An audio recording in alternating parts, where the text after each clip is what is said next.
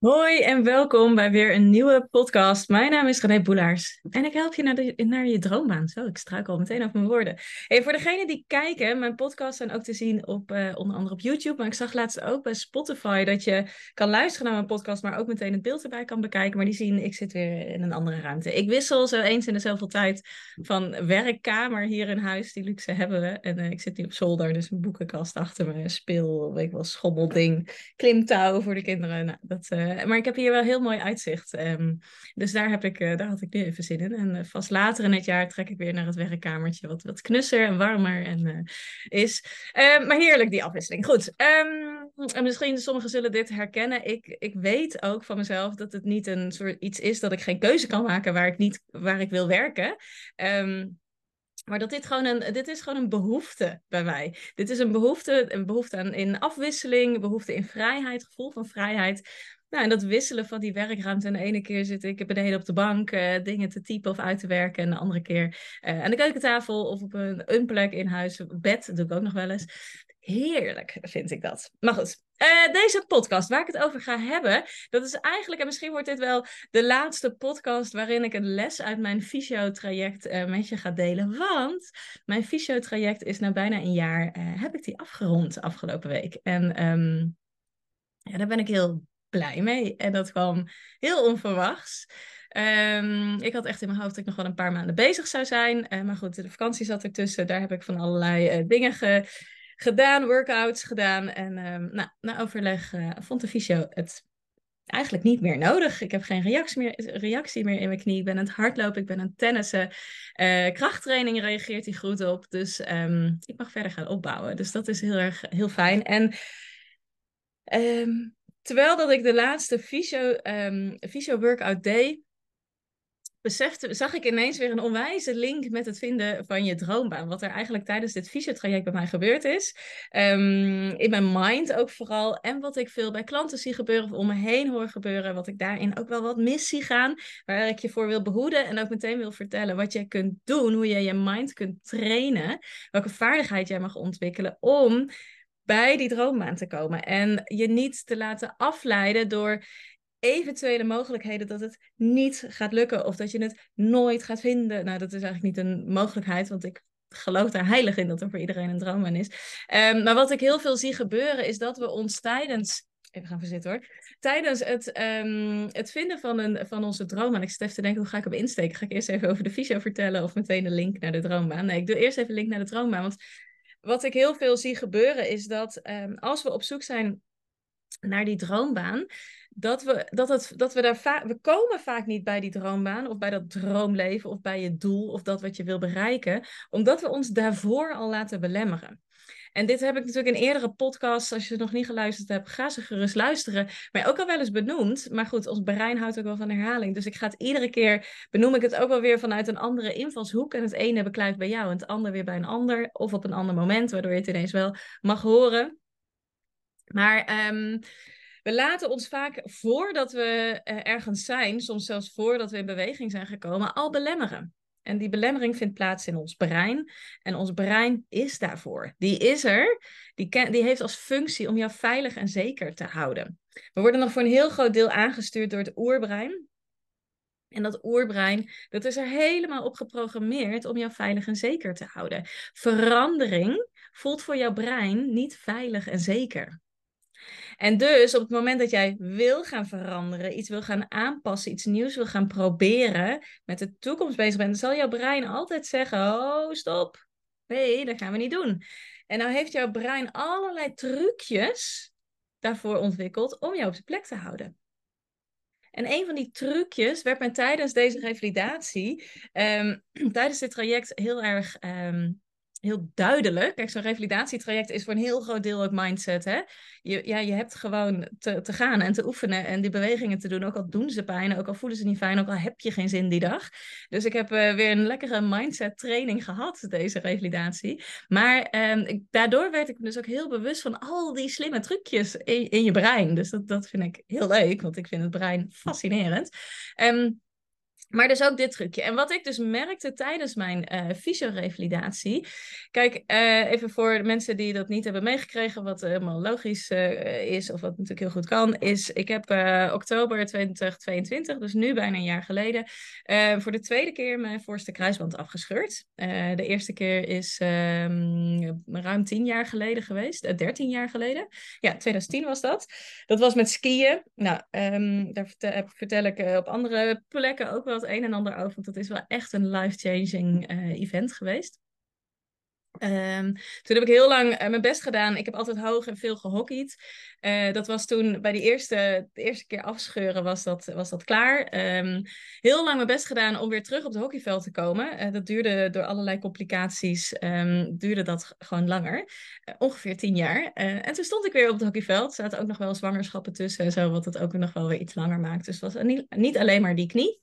Ik zit heel hoog in mijn energie, merk ik. Ik denk uh, dat jullie het ook wel horen aan het tempo waarmee ik praat. Dus ik ga even, even ademhalen.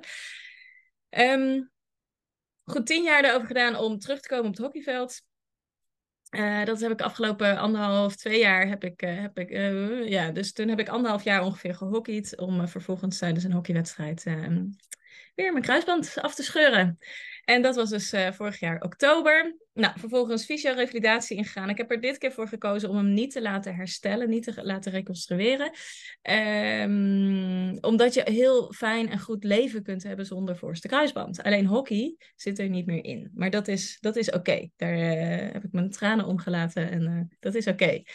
Um, de kinderen hockeyen, dus ik, uh, ik kom er nog wel. Nee, uh, dat is echt oké. Um, maar je kan wel tennissen, je kan hardlopen, je kan in de bergen wandelen. En dat was voor mij gewoon heel belangrijk dat ik die dingen um, nog wel kon doen. En ik wilde al die dingen niet. Ik wil achter de kinderen aan kunnen rennen. En ik wil uh, ja, maar gewoon lekker in mijn lijf kunnen fit kunnen voelen.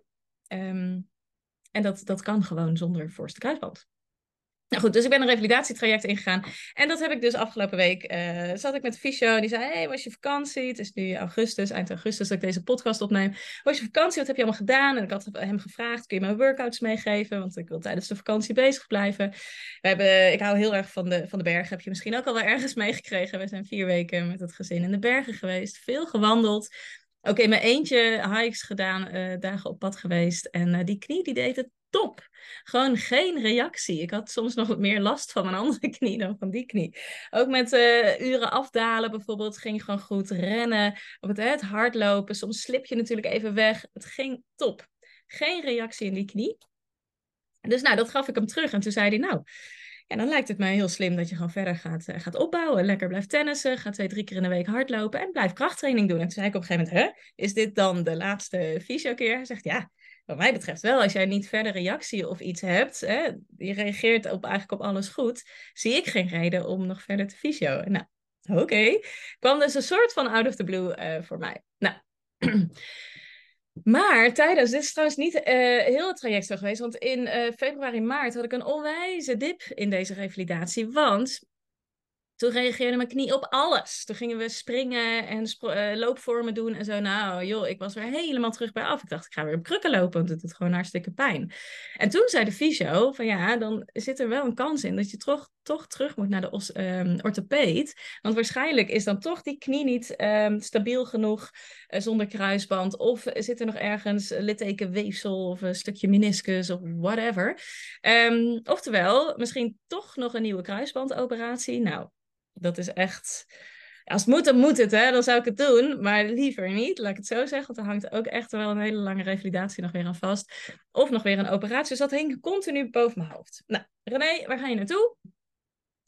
Wat ik tijdens deze revalidatie heel bewust van ben geweest. Ik kon natuurlijk heel veel energie stoppen in het zorgen maken dat ik misschien weer geopereerd moest gaan worden me heel erg zorgen maken en heel erg focussen op ieder pijntje en ieder dingetje wat net niet ging. Maar dat zou zonde zijn van mijn energie. Ik kan veel beter die energie stoppen in het sterker worden, in het herstellen, in het uh, plezier hebben in dat ik weer bepaalde vooruitgang kreeg. Want ik wist, ik had geen invloed op wel of niet nog weer die operatie. Dat, ja, dat, dat zou zijn of niet. Het enige wat ik kon doen, was stap voor stap het plan volgen van die fysio. En dat doen, daarop actie. En vertrouwen hebben in het proces. vertrouwen hebben in mijn lijf. En nou ja, wat je daar ook in gelooft, maar ik geloof daar wel ergens in, in het universum, dat als ik nog een keer geopereerd moest worden, dat dat dan blijkbaar moest om de les te leren of iets. Geen idee nu wat dat dan is. Maar nou, um, en hè, als je mij dan vraagt, René, is het knap van je? Is dat dan heel de revalidatie gelukt? Nee, keep it real. Hè? Ik ben ook gewoon een mens. We zijn gewoon mensen tuurlijk heb ik af en toe me super druk gemaakt en gedacht, oh, maar ik, en tegen Ernst, mijn partner, gezegd, maar ik wil niet weer die knieoperatie, ik wil niet weer die nieuwe kruisband. Ik weet wat het inhoudt, ik weet wat de revalidatie inhoudt voor iedereen die dat heeft gehad. En ik krijg best wel wat mensen met uh, knieblessures bij mij als klant ook, dus ik weet dat die luisteren, of met andere blessures uh, of revalidatietrajecten. Ik weet wat het inhoudt, revalideren. Revalideren is eenzaam, revalideren is kut. Revalideren is helemaal niet leuk. Je moet dat alleen doen. Je moet discipline doen. Het kost superveel energie. Je voelt ieder pijntje. Het vraagt heel veel van je hoofd. Het vraagt heel veel van je lijf. En je, ja, tenminste zo ervaren, je doet het alleen. Mensen vragen wel, hoe gaat het? Maar je kunt, zij staan niet met jou in die, in die gymzaal weer die suffe oefeningen te doen. Terwijl dat je veel liever wil hardlopen, wil tennissen of wel iets anders beters te doen voor je gevoel. Nou goed. Um, Dus nee, het is me niet altijd gelukt om in het hier en nu te blijven. En gewoon alleen maar te focussen op ieder stapje wat ik hier en nu te doen heb. Tuurlijk gingen mijn gedachten ook wel eens naar: oh mijn god, nee, ik wil helemaal niet in de operatie. Um, of wat als ik nooit meer kan hardlopen? Wat als ik niet meer kan tennissen? Wat als sport gewoon. Ik, ik hou van sport. Ik beweeg het liefst iedere dag. Ik sport het liefst iedere dag. Wat als ik daar heel erg in beperkt ga worden? Tuurlijk heb ik daar wel eens af en toe gedachten over gehad. Maar merendeel van de tijd ik heb het ook gezien als training om mezelf in het hier en nu te houden. En even dan de link naar de droombaan. Het heeft voor jou geen zin om te focussen op alles wat er nu shit is in je werk. Of op, ja, maar ik weet het niet en ik heb het nooit geweten en waarom weten anderen het wel? En ik heb nou helemaal geen passie en ik weet niet welke stappen ik moet zetten. Eh, en ja, misschien wil ik wel gaan ondernemen of misschien wil ik wel van branche veranderen. Maar ja, dan ga ik, eh, geef ik dit allemaal op en dan geef ik zus en zo. En gaat het wel lukken en ga ik daar wel in verdienen en krijg ik nog wel leuke collega's en en en en en. Het heeft helemaal geen zin om met dat soort dingen allemaal bezig te zijn. Dat is namelijk niet in het hier en nu dat is toekomst of dat is verleden. Dat is niet in het hier en nu. En sowieso zeiken op dat wat allemaal shit is nu, is echt zonde van je energie. Natuurlijk moet je het af en toe even kwijt. Maar sla het in een kussen of ren het eruit of schreeuw het eruit of stamp het eruit. Maar ga niet tegen en de buurvrouw en je moeder en een vriendin en je partner erover zeiken. Want dit is zonde van je energie. Stop die energie in trainen om in het hier en nu te zijn en te ontdekken wat jij in het hier en nu kan doen. Er is altijd iets wat jij kan aanpakken, wat jij in het hier en nu kan doen, wat gaat zorgen voor verandering. En dat mogen kleine stapjes zijn. Maar zeiken op het een of bedenken wat er allemaal fout kan gaan en wat er allemaal moet, wel of niet moet gebeuren als jij een bepaalde keuze maakt, is zonde van je energie. Is toekomst of is verleden. In het hier en nu, daar heb je acties te doen. Even dan weer, hè? dus wat deed ik in mijn fysio? Ik deed braaf mijn fysio-workouts. Mijn rekoefeningen. Dat is wat ik braaf deed. En hè, wat deed ik in mijn mind? Ik ben veilig, ik ben sterk, mijn knieën stabiel. Daar, hè, daar ging ik, ik, ik kan lekker tennissen, ik voel me vrij als ik tennis. Dus daar ging ik affirmeren met hoe ik me wil voelen straks in de toekomst, in, de positieve, in het positieve zin. Dus niet bezig met, oh jee, straks voel ik me altijd belemmerd als ik op de tennisbaan sta, omdat ik geen vertrouwen meer heb in mijn lijf. Bijvoorbeeld, nee, ik richt me op het positieve op zo'n moment zou ik dan willen vragen, volg je me nog? Maar ja, je kan niet reageren natuurlijk. Um, wat ik dus belangrijk vind, wat jij hierin uit meeneemt, is focus op wat jij nu kunt doen. Welke actie jij nu kunt doen, die verandering, die beweging gaat creëren. Stop daar je energie in. Ga daarop focussen. En niet op verleden en niet op toekomst. Ik zeg ook heel vaak bij klanten, het, um, uh, dan zeggen ze, ja, dan wil ik misschien wel gaan ondernemen. Maar ja, of nee, uh, wat had ik laatst tijdens, een workshop? Zei iemand, ja, ja, ik wil weg nu. Ondertussen is, is ze ook uitgevallen overigens op de, op de werk. Dus ja, ze, ze moet, slash moest echt wel weg. Want dat is gewoon niet meer gezond voor haar. Maar ja, heel veel mensen zeggen ook, je kan nu met deze baan, het is om de hoek, je kan de kinderen naar school brengen. Je krijgt hartstikke veel vrijheid. Waarom zou je nu weggaan? Wie zegt dat je dat straks in de toekomst weer krijgt? En daar gaat hij fout. Want als dat belangrijk voor jou is, dan ga jij zorgen dat je dat in de toekomst weer krijgt. Maar je er hier druk om maken, belemmert je, houdt je tegen, is een trucje van je brein om je in het hier en nu te houden. En ik teken dan heel vaak een trap en dan zeg ik ook van, oké, deze belemmering, deze gedachte, dit argument wat je nu opbrengt of voelt of benoemt, is dat in het hier en nu of is dat iets wat je straks, in de, als jij verder bent in, dit, in deze ontdekkingstocht, wel, wel, wel gaat uit? Is dat voor nu om te onderzoeken?